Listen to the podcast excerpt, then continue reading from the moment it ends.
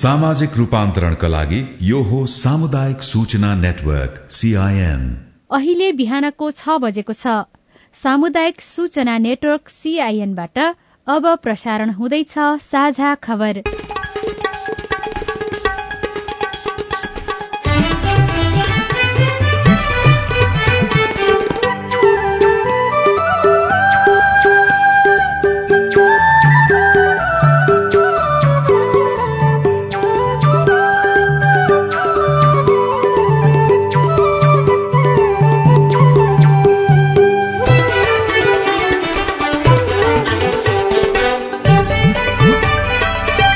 शुभ प्रभात यो सीआईएन को साझा खबर हो। उषा तामाङसँगै लील प्रकाश चन्दको तपाईँलाई स्वागत छ।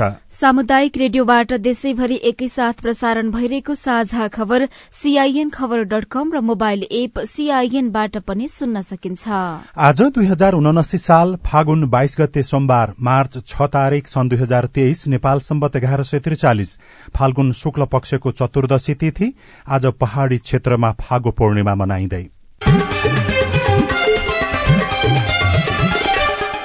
साझा खबरमा प्रमुख खबरका शीर्षकहरू।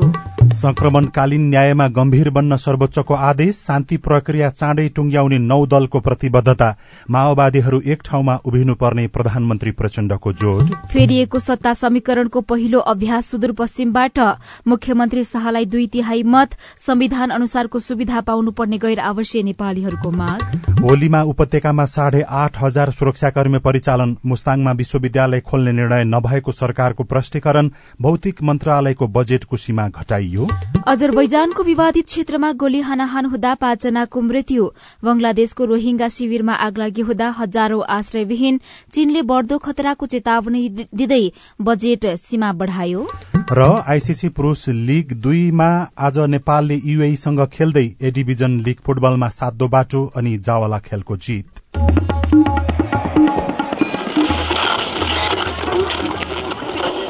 सयौं रेडियो।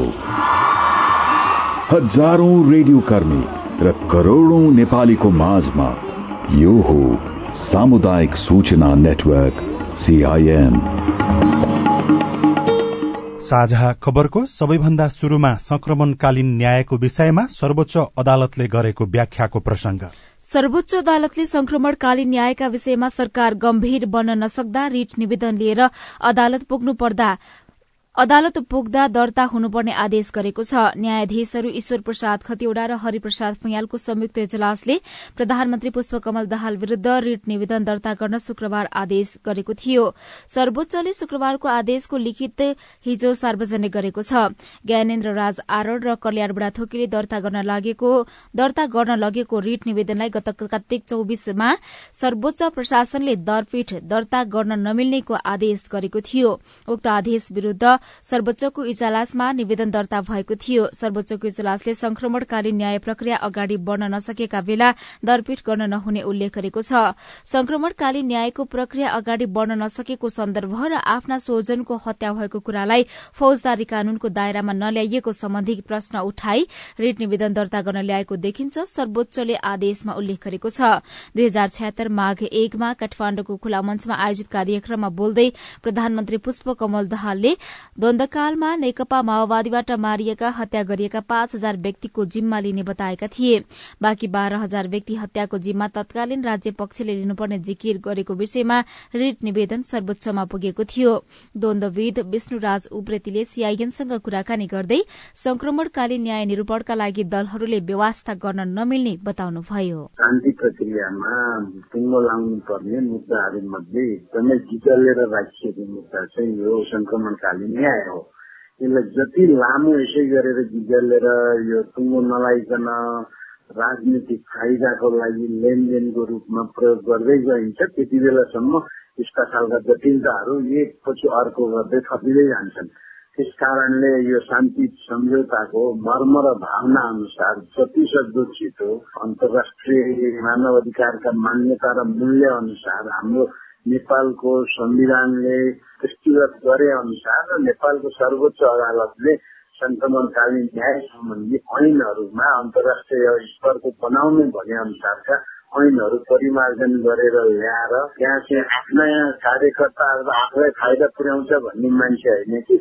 निष्पक्ष रूपमा पहिला सत्यको निरूपण गर्छ त्यसपछि चाहिँ मेलमिलापको काम अगाडि बढाउन सक्छ त्यस्तो खालको मान्छेहरू चाहिँ छानेर राख्ने र उनीहरूलाई साधन स्रोत ऐन नियम कानुन विज्ञ सबैले सशक्त बनाएर ती आयोगहरूले सशक्त रूपमा काम गर्ने वातावरण राजनैतिक पार्टीहरूले दिँदाखेरि त्यस्ता खालका समस्या आउँदैनन् यस्तो नगरिकन अहिले चाहिँ जसरी मोलतोल गर्ने यसो टालटुल पारेर राख्दाखेरि यो अहिले एउटा आयो यस्ता खालका समस्याहरू बारम्बार आइरहेको सर्वोच्च अदालतले गत शुक्रबारको आदेशलाई लिखित रूपमा सार्वजनिक गरेकै दिन हिजो माओवादी सहित नौ दलको बैठकले शान्ति प्रक्रियालाई छिट्टै टुंग्याउने प्रतिबद्धता जनाएको छ।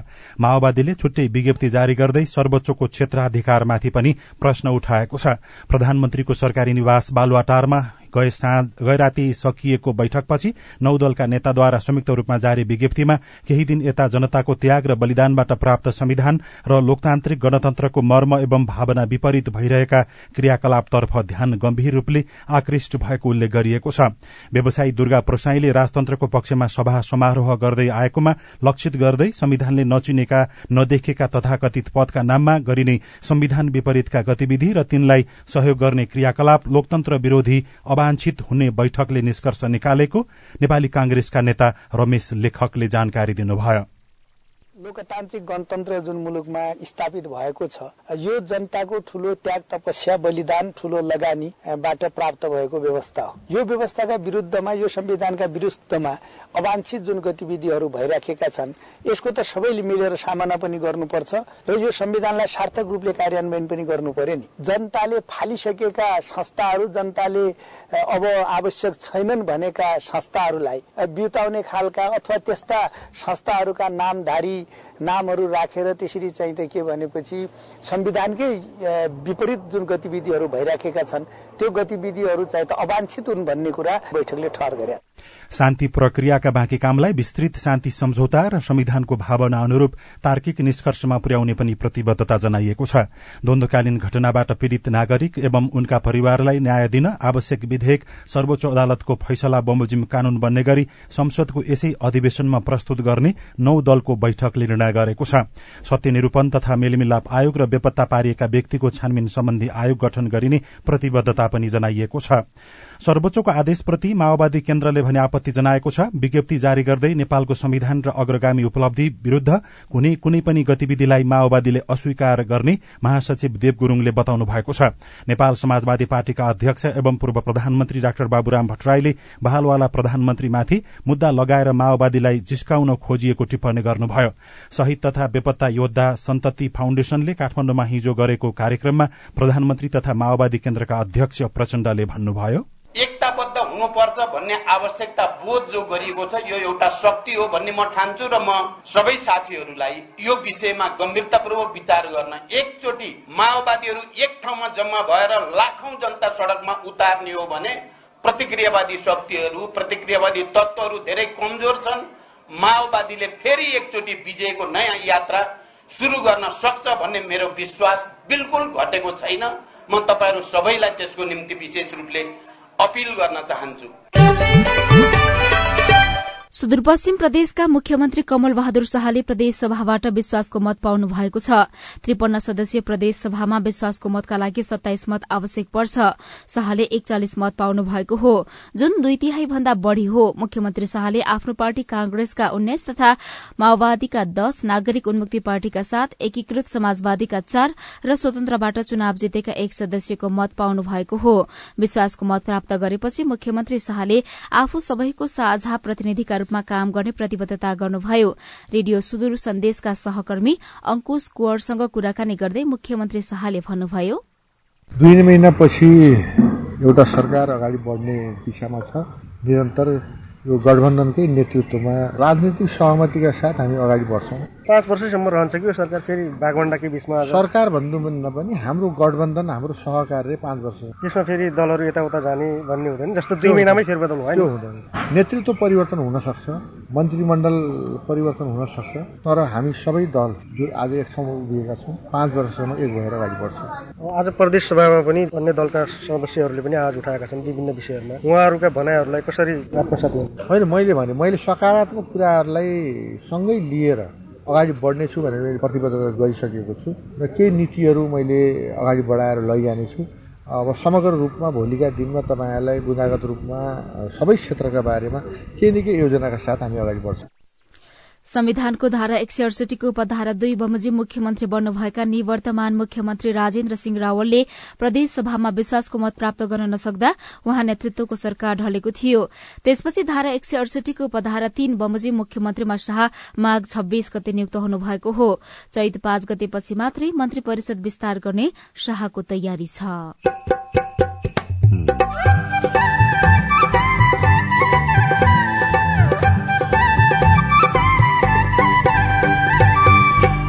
सामुदायिक सूचना नेटवर्क सीआईएन मार्फत देशभरि प्रसारण भइरहेको साझा खबरमा गैर आवासीय नेपालीका लागि सरकारले गर्नुपर्ने व्यवस्था। जुन संविधानमा पनि उल्लेख भइरहेको चाहिने इस्यु एड्रेस भएर आइदियो भनेदेखि त्यसले चाहिने यो विदेशमा बस्ने नेपाली गैर आवासीय नेपाली समुदायलाई वातावरण बन्थ्यो कन्फिडेन्स पनि बिल्डअप हुन्थ्यो। होलीमा उपत्यकामा साढे आठ हजार सुरक्षाकर्मी परिचालन मुस्ताङमा विश्वविद्यालय खोल्ने निर्णय नभएको सरकारको प्रष्टीकरण लगायतका खबर बाँकी नै छन्। सीआईएनको साझा खबर सुन्दै गर्नुहोला। जलवायु परिवर्तनले मानव जीवन र प्राकृतिक प्रणालीमा विश्वव्यापी प्रभाव पारेको छ।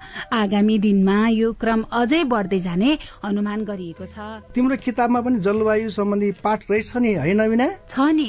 आज म पारिस्थितिकीय प्रणालीमा आधारित अनुकूलन अर्थात इबिए भन्ने पाठ पढ्दैछु। के रहेछ यो इबिए भनेको? जोखिममा परेका समुदायलाई प्राकृतिक स्रोत र साधनको उपयोग गरी जलवायु परिवर्तनको जोखिम न्यूनीकरण र सामना गरी जिउने र विकसित हुन सहयोग पुर्याउने कामलाई इबिए भनिन्छ। जलवायु परिवर्तनको प्रतिकूल प्रभावको सामना गर्न समुदायहरूलाई सहयोग पुर्याउने यो एउटा नयाँ अवधारणा हो। ए अनि खेती किसानी गर्ने हामीलाई पनि यसले फाइदा गर्छ? गर्छ नि। सुक्खा ठाउँहरूमा कम चिस्यानमा हुर्कन सक्ने बाली नाली लगाउने अनि पहिरो जान सक्ने क्षेत्रमा पहिरो रोकथाम गर्न सक्ने र उपयोगी बिरुवा लगाउने। समुदायलाई फाइदा हुने गरी वन चरण पानीको मुहान जस्ता स्रोतको दिगो व्यवस्थापन गर्ने कामहरू इबिए अन्तर्गत पर्छन् क्या।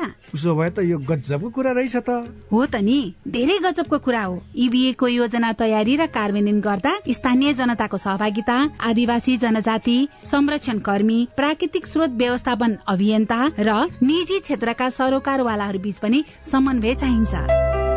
जलवायु परिवर्तनले निम्ताएका चुनौतीको सामना गर्न जमिन जल र प्राकृतिक स्रोत व्यवस्थापनका सर्वोत्तम उपलब्धिहरूको कार्यान्वयन गरौं।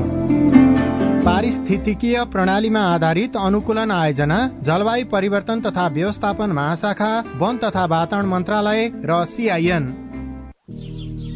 ल कान्छा यतिका दिन जे भयो भयो। अब दाई दिदी बहिनीहरूसँग रिस नराखेस् है। कान्छा दाईले मात्र होइन क्या आमा? मेलमिलाप भइसकेपछि अब कसैले मन अमिलो बनाउनु भएन। तपाईँहरूले नै रोजेका मेलमिलापकर्ता राखेर जग्गाको साँच सिमाना बारेको नौ वर्षदेखिको विवादमा मेलमिलाप भयो। योभन्दा खुसीको कुरा हामी मेलमिलापकर्ताको लागि के हुन्छ र? मेलमिलापकर्ता बाबु हामी दुई भाइ बीचको झगडालाई यति सजिलै चाँडै मिलाइदिनु भएकोमा तपाईँलाई मुरी मुरी धन्यवाद छ। मैले यो मेलमिलाप केन्द्र भन्ने त अलि पहिले नै सुनेको थिएँ क्या बाबु? मन माझामाझ गरेर दुवै पक्षले जित्ने गरी पो कुरा मिलाउनु हुने रहेछ। कस्तो राम्रो। मनमुटाप गर्नेहरूलाई अबदेखि यो मेलमिलाप केन्द्रमै जाऊ भन्छु म चाहिँ। सुन्नुहोस् आमा। सरकारी सामुदायिक र सार्वजनिक बाहेक जग्गा सम्बन्धी विवाद गाली बेजती लुटपिट सहित विभिन्न एघार प्रकारका विवाद हरेक वडामा रहेका मेलमिलाप केन्द्रबाट मिलापत्र गराउन सकिन्छ नि आमा। कस्तो राम्रो। अनि हरेक वडामा यस्ता मेलमिलाप केन्द्र छन् त बाबु? छन् नि आमा। किन नहुनु? कुनै कुनै वडामा दुई वा त्यसभन्दा धेरै पनि छन्। विवादका पक्ष र विपक्षका व्यक्तिले चाहेको मेलमिलाप केन्द्रबाट निकास खोज्न सकिन्छ। वडाको मेलमिलाप केन्द्रबाट विवाद समाधान भएन भने नि आमा। हजुर। पालिकाको न्यायिक समितिले पनि विवाद समाधानका लागि छलफल गराउन सक्छ। आहा। यति भएपछि त गाउँघरको झगडा गाउँमै हाँसु खुसीका साथ मिल्ने भइहाल्यो नि होइन त? हो नि आमा।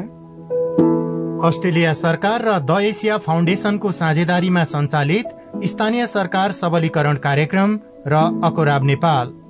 सामाजिक रूपान्तरणका लागि यो हो सामुदायिक सूचना नेटवर्क सीआईएन तपाई अहिले देशभरिका सामुदायिक radio CIN Khabar dot com र मोबाइल एप सीआईएनबाट एकैसाथ साझा खबर सुन्दै हुनुहुन्छ। मोबाइल एप नेपाली पात्रोबाट पनि सीआईएनको साझा खबर सुनिरहनु भएको छ। अब बाँकी खबर। फागु पूर्णिमाको दिन आज काठमाडौँ उपत्यकासहित पहाड़ी क्षेत्रमा फागु अर्थात होली पर्व मनाइँदैछ। फागु पूर्णिमा सुरक्षार्थ उपत्यकामा साढे आठ हजार प्रहरी परिचालन हुँदैछन्। काठमाडौँ उपत्यका प्रहरी कार्यालय रानीपोखरीले होलीको दिन थप दुई हजार सहित साढे आठ हजार प्रहरी परिचालन गर्न लागेको जनाएको छ। कार्यालयका प्रवक्ता प्रहरी वरिष्ठ उपरीक्षक एसएसपी हिमालय कुमार श्रेष्ठले शान्तिपूर्ण रूपमा होली पर्व मनाउन उक्त संख्यामा प्रहरी परिचालन गर्न लागेको जानकारी दिनुभयो। तराईमा भने होली पर्व भोलि मनाइन्छ। तर होलीको बेलामा नियम मिचेर सवारी साधन चलाउनेदेखि जबरजस्ती होली खेल्ने गर्दा दुर्घटना समेत हुन सक्ने भएकाले प्रहरीले सचेत गराएको छ। सीआईएनसँग कुरा गर्दै नेपाल प्रहरीका सहप्रवक्ता एसएसपी दिपेन्द्र जीसीले आफू आफू मिलेर होली खेल्न सुझाव दिनुभयो।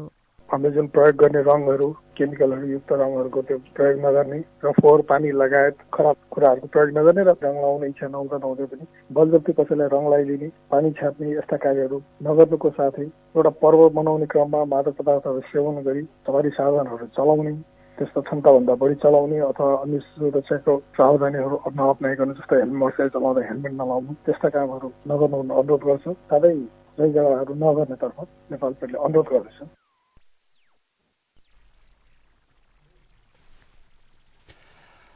अब आज काठमाडौँबाट प्रकाशित पत्र पत्रिकाको खबर कान्तिपुर दैनिकमा चिहान पनि छैन। मुसहरलाई शीर्षकमा तुफान नेउपाने र अवदेश जहाँले महादेवा सप्तरीबाट लेख्नु भएको छ महादेवा चार मनियार पर्साई मुसहरी टोलका सहाब सदा मृगोला रोगबाट पीड़ित हुनुहुन्थ्यो। अस्पतालमा रोग पत्ता लागे पनि उपचार खर्च नभएका कारण घरै ल्याएर राखिएको थियो। गत असार सातको राति दस बजे त्यही रोगका कारण उहाँले प्राण त्याग गर्नुभयो।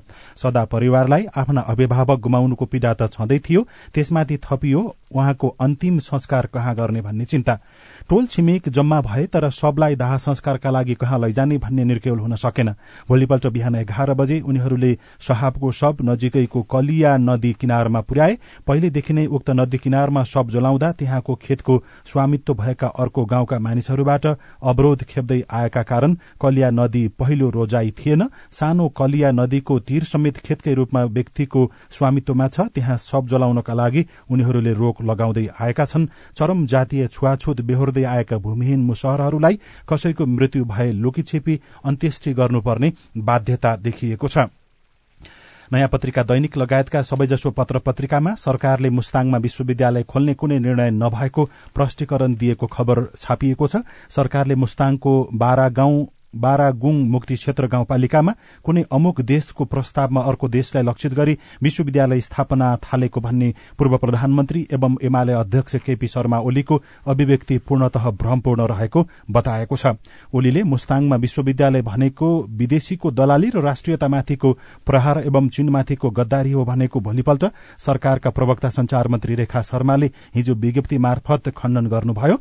मुस्ताङको बारागुङ क्षेत्र मुक्ति क्षेत्र गाउँपालिकामा सरकारले कुनै अमुक देशको प्रस्तावमा अर्को कुनै देशलाई लक्षित गरी विश्वविद्यालय स्थापना नगरिएको गर्ने निर्णय नभएको विज्ञप्तिमा भनिएको छ। सरकारले यस सम्बन्धी विश्वविद्यालय खोल्ने कुनै निर्णय नगरेको स्पष्ट पार्न चाहन्छौ विज्ञप्तिमा भनिएको छ। नेपालमै पहिलो पटक दुई महिला पाइलटको कमाण्डमा अन्तर्राष्ट्रिय उडान भएको खबर पनि सबैजसो पत्र पत्रिकाहरूमा छ। संसदमा निष्क्रिय भएका विधेयकलाई सरकारले पुनः संसदमा ल्याउने तयारी गरेको छैन। प्रतिनिधि सभा र राष्ट्रिय सभाका सत्ताइस विधेयक निष्क्रिय भएका थिए। संसद गठन भएको दुई महिना बितिसक्दा पनि सरकारले अघिल्लो संसदमा निष्क्रिय भएका विधेयकलाई तयारी ल्याउने तयारी गरेको छैन। प्रधानमन्त्री पुष्पकमल दाहालले संसदबाट फिर्ता भएको संघीय निजामती विधेयक ल्याउने तयारी गरेको बताउँदै आउनु भएको छ तर यो विधेयक पनि संसदमा आएको छैन। निष्क्रिय विधेयक अलपत्र ईश्वरी सुवेदीले नागरिक दैनिकमा खबर लेख्नु भएको छ। आर्थिक अवस्थाबारे अध्ययन गर्न उच्चस्तरीय समिति शीर्षकमा मधुसंघ पाण्डे राजधानी दैनिकमा लेख्नुहुन्छ। प्रधानमन्त्री पुष्पकमल दहाल प्रचण्डले मुलुकको अर्थतन्त्रमा देखिएको समस्या समाधानका लागि अध्ययन गर्न उच्चस्तरीय समिति बनाएर अध्ययन गर्ने बताउनु भएको छ। हिजो प्रधानमन्त्री तथा मन्त्री परिषदको कार्यालयमा भएको छलफलमा प्रधानमन्त्री दाहालले अर्थतन्त्रको बाह्य क्षेत्र वित्तीय क्षेत्र र सार्वजनिक वित्तका विषयमा वृहत अध्ययन गरी सरकारलाई आवश्यक सुझाव दिन उच्चस्तरीय समिति बनाएर अघि बढ़ने बताउनु भएको हो। भौतिक मन्त्रालयको बजेटको सीमा घटाइएको बारेमा पत्र पत्रिकाहरूमा खबर छ। नागरिक दैनिकमा भने सिराहाको धनगढ़ीमाई नगरपालिका तेह्र र आठमा अवैध रूपमा ढुंगा गिट्टी र बालुवा उत्खनन हुँदा मानव बस्ती जोखिममा परेको खबर छ। अवैध उत्खननका कारण करिब दुई हजार पाँच सय मानिस विस्थापित हुने जोखिम बढ़ेको छ। ढुंगा गिट्टी र बालुवा खानीका नाममा भइरहेको अवैध उत्खननबाट पीड़ित धनगढ़ीमाई तेह्र भोरेनी खजनपुरिया टोलका मनोज यादव भन्नुहुन्छ चार पुस्तादेखि बस्दै आएको थाथलो छोडेर भाग्नुपर्ने अवस्था आएको छ। मिथिलेश यादवले सिराहा धनगढ़ी माईबाट खबर लेख्नु भएको छ। साझा खबरमा अब प्रश्नोत्तर श्रृंखला सुनिल राज भारतबाट। म अछाम जिल्लाबाट बोल्दैछु यो सिटिबिटी अन्तर्गतको प्रि डिप्लोमा सिभिल इन्जिनियरिङको इक्जाम फाइनल इक्जाम अहिलेसम्म टुङ्गो लागेको छैन। यो कहिले हुन्छ होला?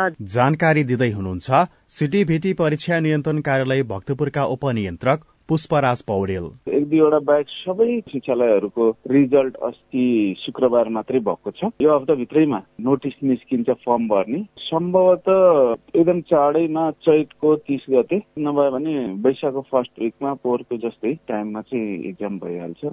दीपक घिमिरे सोध्नुहुन्छ सिटिभिटीबाट सञ्चालन हुने गरेको कृषि र भेटेरिनरी जेटीए कोर्स सकिएर तीन वर्षको अनुभव प्राप्त गरेपछि जेटी एक वर्ष कोर्स हुन्थ्यो। किन रोकिएको होला? यसबारेमा पनि हामीले उपनियन्त्रक पौडेललाई नै सोधेका छौं। अहिले चाहिँ प्रि डिप्लोमा पढेपछि डिप्लोमामा जाने भएको भएर त्यो जेटी कोर्समा त्यति विद्यार्थीहरू पनि नहुने। जति पुरानोलाई चाहिँ अपग्रेडिङ चाहिएको छ उहाँहरू चाहिँ कन्भर्जन थ्रु जानु भएको छ डाइरेक्ट डिप्लोमामै जान थालेर विद्यार्थीहरू नभएरै होला। ध्रुव पसाई शालाहरू बुद्धि सक्षम हो हात्ती पाइले रोग निवारण गर्नको लागि जो औषधि खुवाइरहेको छ यो अभियान छ जसमा कतिपय त्यो दबाई खानाले नै मृत्यु भयो भने त्यसो क्षतिपूर्ति दिने केही गर्ने प्रावधान छ कि छैन होला? तपाईँको प्रश्न सुनेपछि हरिपुर नगरपालिका सर्लाहीका स्वास्थ्य उपसंयोजक राम नरेश ठाकुर भन्नुहुन्छ। डब्लुएचले प्रमाणित गरेका औषधिहरू हो। त्यस कारणले गर्दाखेरि अहिलेसम्मको विश्वको रेकर्ड अनुसार हेर्दाखेरि हात्तीपाइल रोगको औषधिहरू खाँदाखेरि यो तीन थरीको औषधिहरू खाएको छ होइन? यो खाँदाखेरि पनि अहिलेसम्म त्यस्तो गम्भीर किसिमको असर र मृत्यु भएको त छँदै छैन। यसको बारेमा मृत्युको क्षतिपूर्ति यस्ता कुराहरू त अब नभएको कुराहरूलाई अब कसरी गर्ने भन्ने कुराहरू हामीलाई त्यस्तो सम्बन्धी थाहा छैन है? अफसाना खातुनको राष्ट्रिय पहिचान पत्र अहिलेसम्म तीन वर्ष भइसक्यो। अहिले बनेर कार्ड आएको छैन। त्यसको लागि कहाँ जाएर सोध्नु पर्ने हुन्छ? राष्ट्रिय परिचय पत्र राष्ट्रिय परिचय पत्र तथा पञ्जीकरण विभाग काठमाडौँ जिल्ला प्रशासन कार्यालय र नेपालका दश जिल्लाका प्रशासन कार्यालयबाट मात्रै वितरण भइरहेको छ। यसबारेमा तपाईँले जिल्ला प्रशासन कार्यालयबाट जानकारी लिन सक्नुहुनेछ। अनि अछामको ढकारी गाउँपालिकाबाट कमल बुढा दूरसञ्चार प्राधिकरणलाई धन्यवाद दिँदै भन्नुहुन्छ। दूरसञ्चारले वार्षिक उत्सव मनाइरहँदा मलाई एकदमै खुसी लागेको छ। अछामका दूरदराजमा फोन गर्नको लागि माथि अग्लो डाँडामा प्रवेश गर्नुपर्ने अवस्था थियो भन्दाखेरि पनि अहिले चाहिँ कोठाभित्र सुतेर फोर जी होइन चलिरहेको अवस्था छ। राजधानीतिर फाइभ जी पनि विस्तार भइरहेको छ भन्ने सुनेको छ। अछाम जिल्लाका दूरदराजमा पनि फोर जी सेवा सहजै चलाउने अवस्था मिलोस् दूरसञ्चारलाई धेरै धेरै शुभकामना दिँदै धन्यवाद। तपाईँ जुनसुकै बेला हाम्रो टेलिफोन नम्बर शून्य एक बाहन्न साठी छ चार छमा फोन गरेर आफ्नो विचार प्रश्न गुनासो तथा प्रतिक्रिया रेकर्ड गर्न सक्नुहुनेछ। साझा खबरमा अब विदेशको खबर चीनले बढ़दो खतराहरूको चेतावनी दिँदै यस वर्ष सैन्य खर्च सात प्रतिशत भन्दा बढ़ी बढ़ाउने भएको छ। चीनले राष्ट्रिय जनकांग्रेसमा यस्तो घोषणा गरेको हो। बंगलादेशको रोहिंग्या शरणार्थी शिविरमा आग लागि हुँदा हजारौं मानिस आश्रयविहीन बनेका छन्। अहिले नियन्त्रणमा आएको आगोले गत आइतबार कक्सर कक्ष बजार शिविरमा रहेका करिब दुई हजार आश्रय स्थल जलेर नष्ट भएको छ। तीन घण्टाभित्र आगो नियन्त्रणमा लिए पनि कम्तीमा पैंतिस मस्जिद र एक्काइसवटा शरणार्थीका लागि शिक्षण केन्द्र पनि नष्ट गरिएका छन्। आग लागि आइतबार भएको थियो। अजरबैजानको विवादित क्षेत्र नागोर्नो कारा अजर बैजानी सेना र जातीय आर्मेनियनहरू बीच गोली हनान हुँदा पाँचजनाको मृत्यु भएको छ। अजर बैजानको रक्षा मन्त्रालयले हिजो त्यस क्षेत्रको मुख्य शहरबाट बाहिरी क्षेत्रहरूमा हतियार बोकेको आशंकामा अजरबैजान सेनाले एउटा काफिलालाई रोकेपछि दुई सैनिकको मृत्यु भएको समेत बताएको छ। साझा खबरमा अब खेल खबर। युएमा चलिरहेको आईसीसी पुरूष विश्वकप लेग दुई त्रिकोणात्मक एक दिवसीय सिरिज रोमाञ्चक बनिरहेको छ। लेग दुईमा नेपाल युए र पपुवा न्युगिनीले एक आपसमा प्रतिस्पर्धा गरिरहेका छन्। सिरिजमा अनपेक्षित नतिजा निस्किरहेका छन्।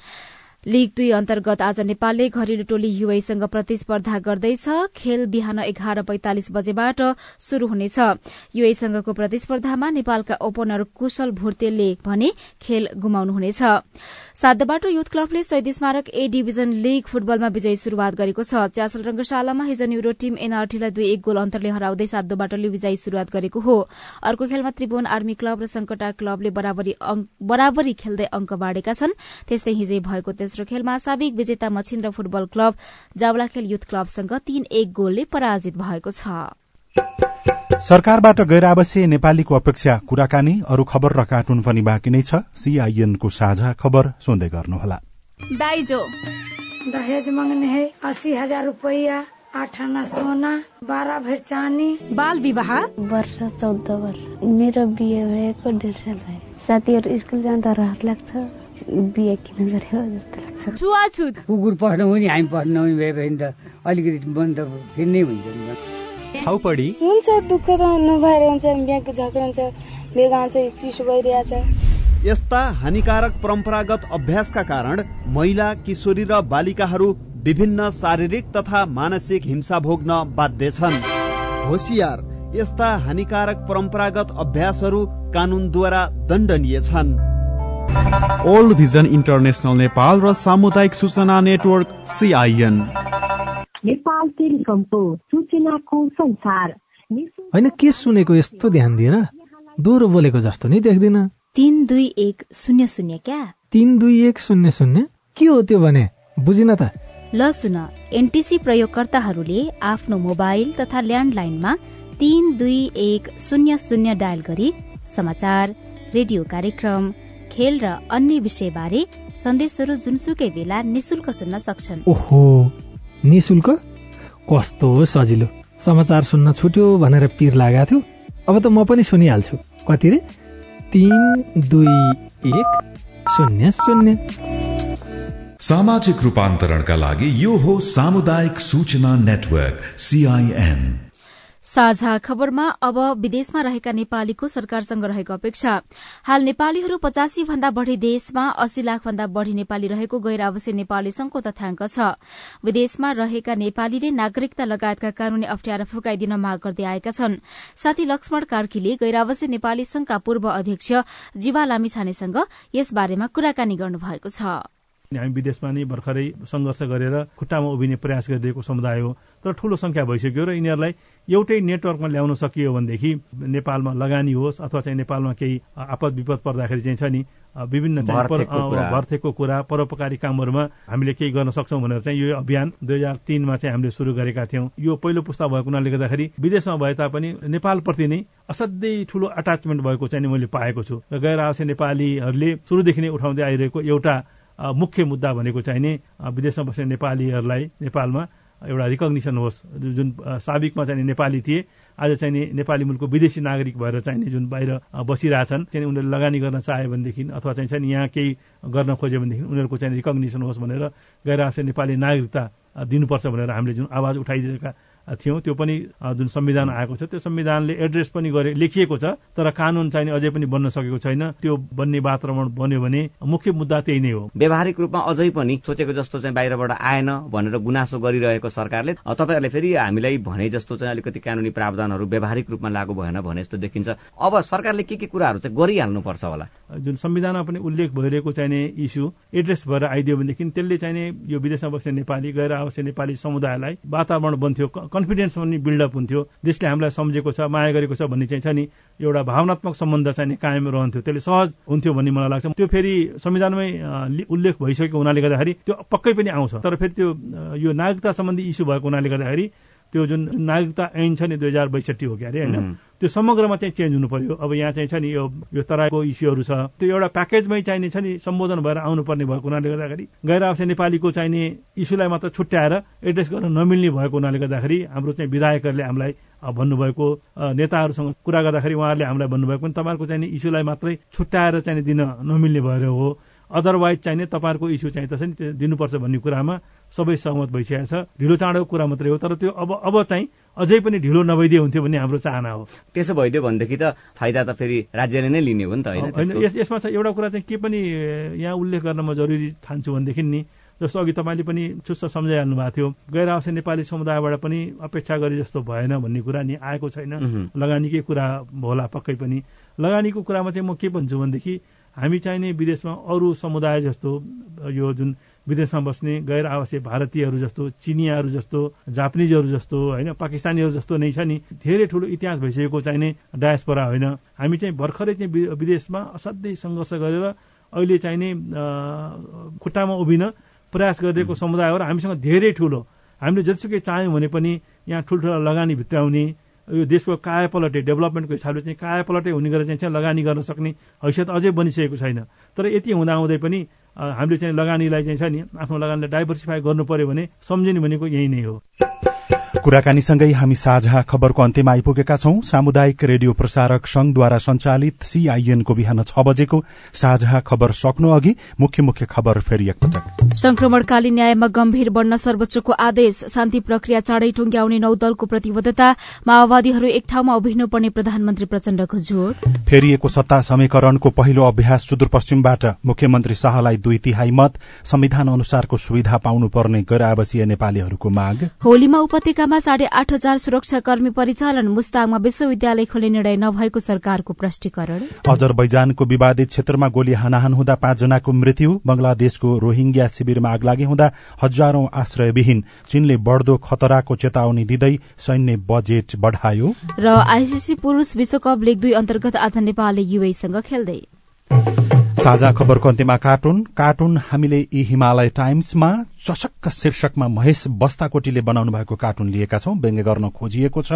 पूर्व प्रधानमन्त्री पूर्व राष्ट्रपतिहरूलाई राज्यले पैसा बाँडेको भनेर आलोचना पनि भइराखेको छ।